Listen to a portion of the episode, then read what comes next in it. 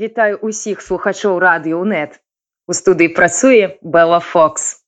На нашых пятнічных эфірах жыве Беларусь уначы будзем рабіць штотыдзень эксклюзіўна інтэрв'ю з беларускай дыяспорай. На мінулым тыдні мы вам распавялі пра тое, як прайшла цырымонія адкрыцця народных амбасадаў і для мяне вялікі вялікі гонар сёння прадставіць нашага першага госця, а дакладней госцю гэта Алена Турава, якая нам сёння распавядзе пра тое, як функцыянуе народная амбасада Беларусі ў Гішпаніі.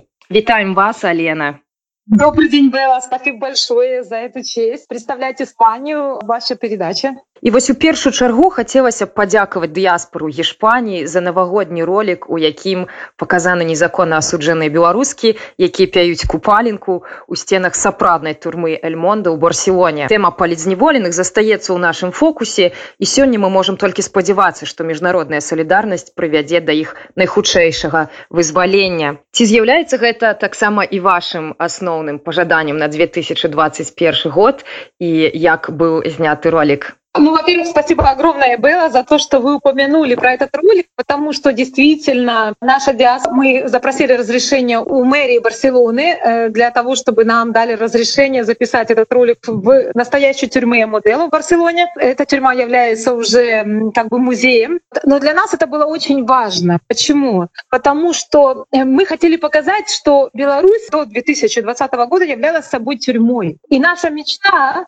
что в 2021 году году это уже не будет тюрьма, это просто придет Дед Мороз, но мы как бы не думаем, что это будет Дед Мороз, мы верим в нас, но мы верим в то, что 2021 год нам принесет именно обновление, новые выборы и нового президента. Поэтому в этом ролике как раз об этом и говорится. Алена, мне вядома, что вам давялося побывать за кратами у Беларуси. Ці могли б вы, калі ласка, поделиться со с нашими слухачами, что отбылося и як вы мигровали у Гешпанию?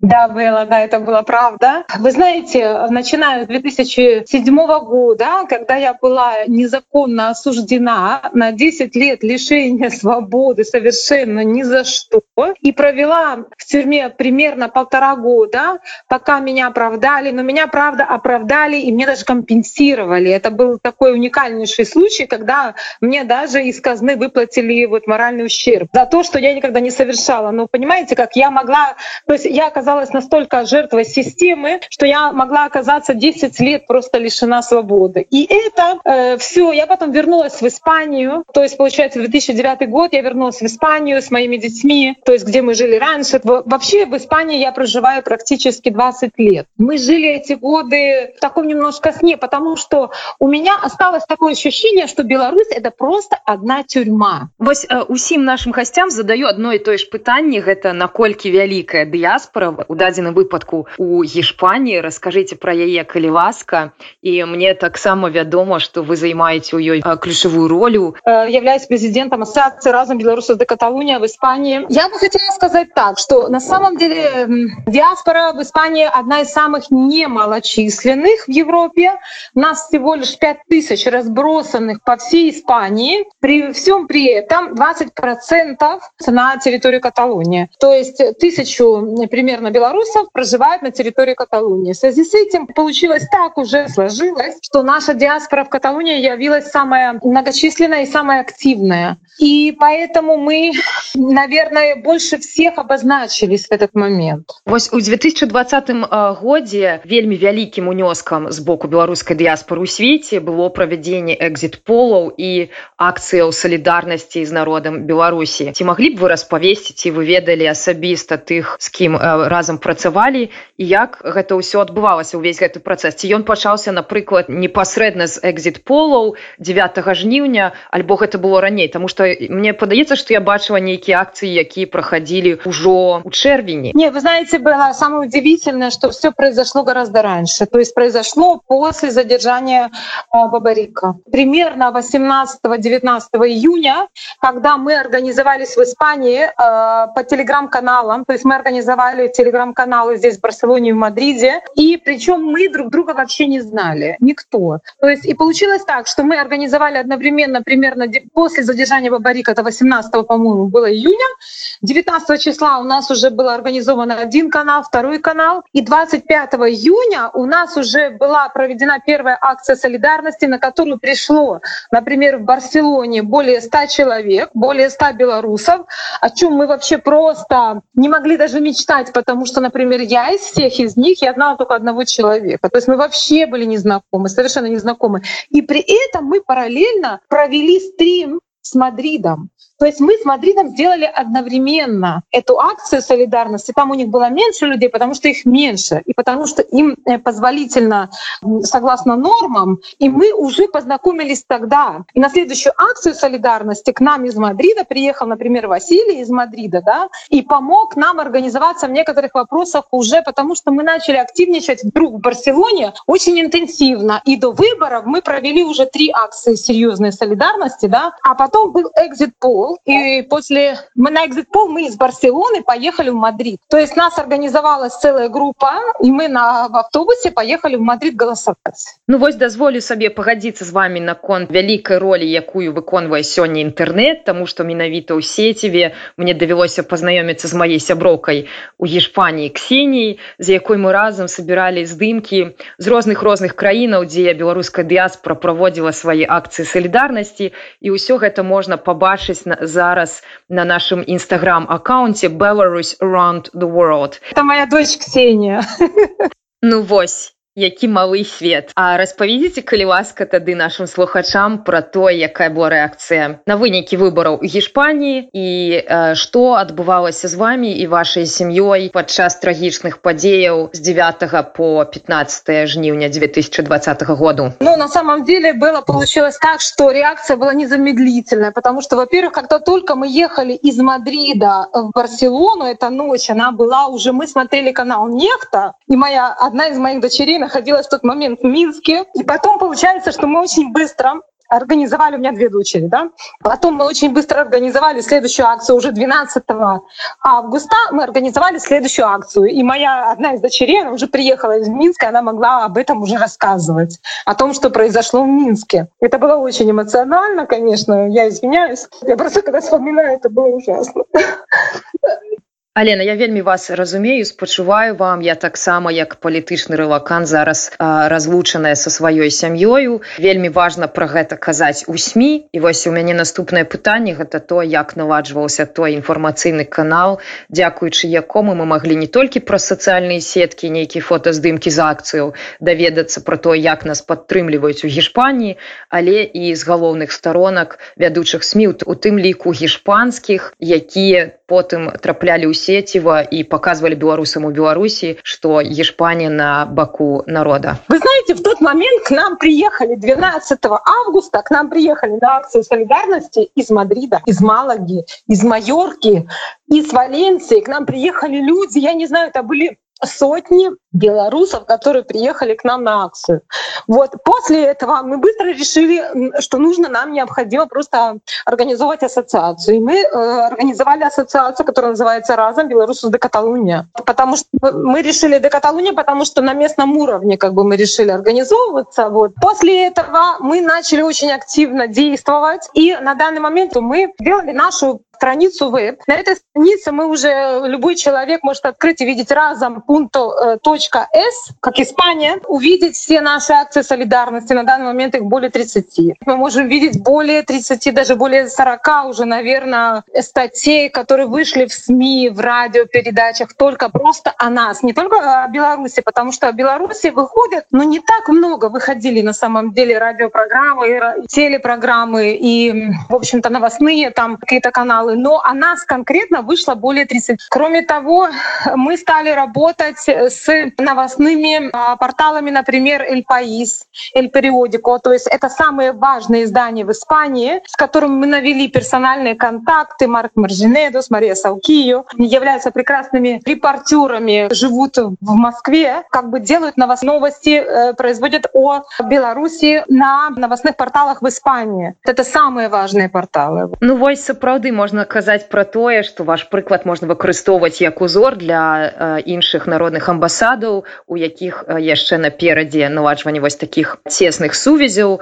Але я ведаю, што не толькі са СМі вы працуеце, але таксама рыхтуеце нейкую творчую выставу. Мы это готовим. Мы готовим выставку, которая будет называться «У белорусской революции женское лицо», которая пройдет э, с 1 по 10 февраля э, в галерее Бегемот в Барселоне. В том числе мы приглашаем всех, кто сможет посетить в Барселоне, жителей Барселоны, несмотря на карантин, конечно, потому что у нас сейчас только жители Барселоны могут посетить. За все это время, вот в Каталонии, например, раньше вообще не знали, что это Беларусь. И на данный момент, благодаря тому, что мы ходили к консульству Беларуси, который уже его нет уже просто, потому что мы ходили столько раз, что потому что почетный консул он просто-напросто закрыл это консульство и перешел в иной формат работы. Он теперь онлайн работает, потому что он не хочет, чтобы мы ходили к нему и показывали вот все вот эти жертвы, чтобы вот эти плакаты, все, что мы приносили каждый день. То есть мы постоянно настолько надоедали ему, да.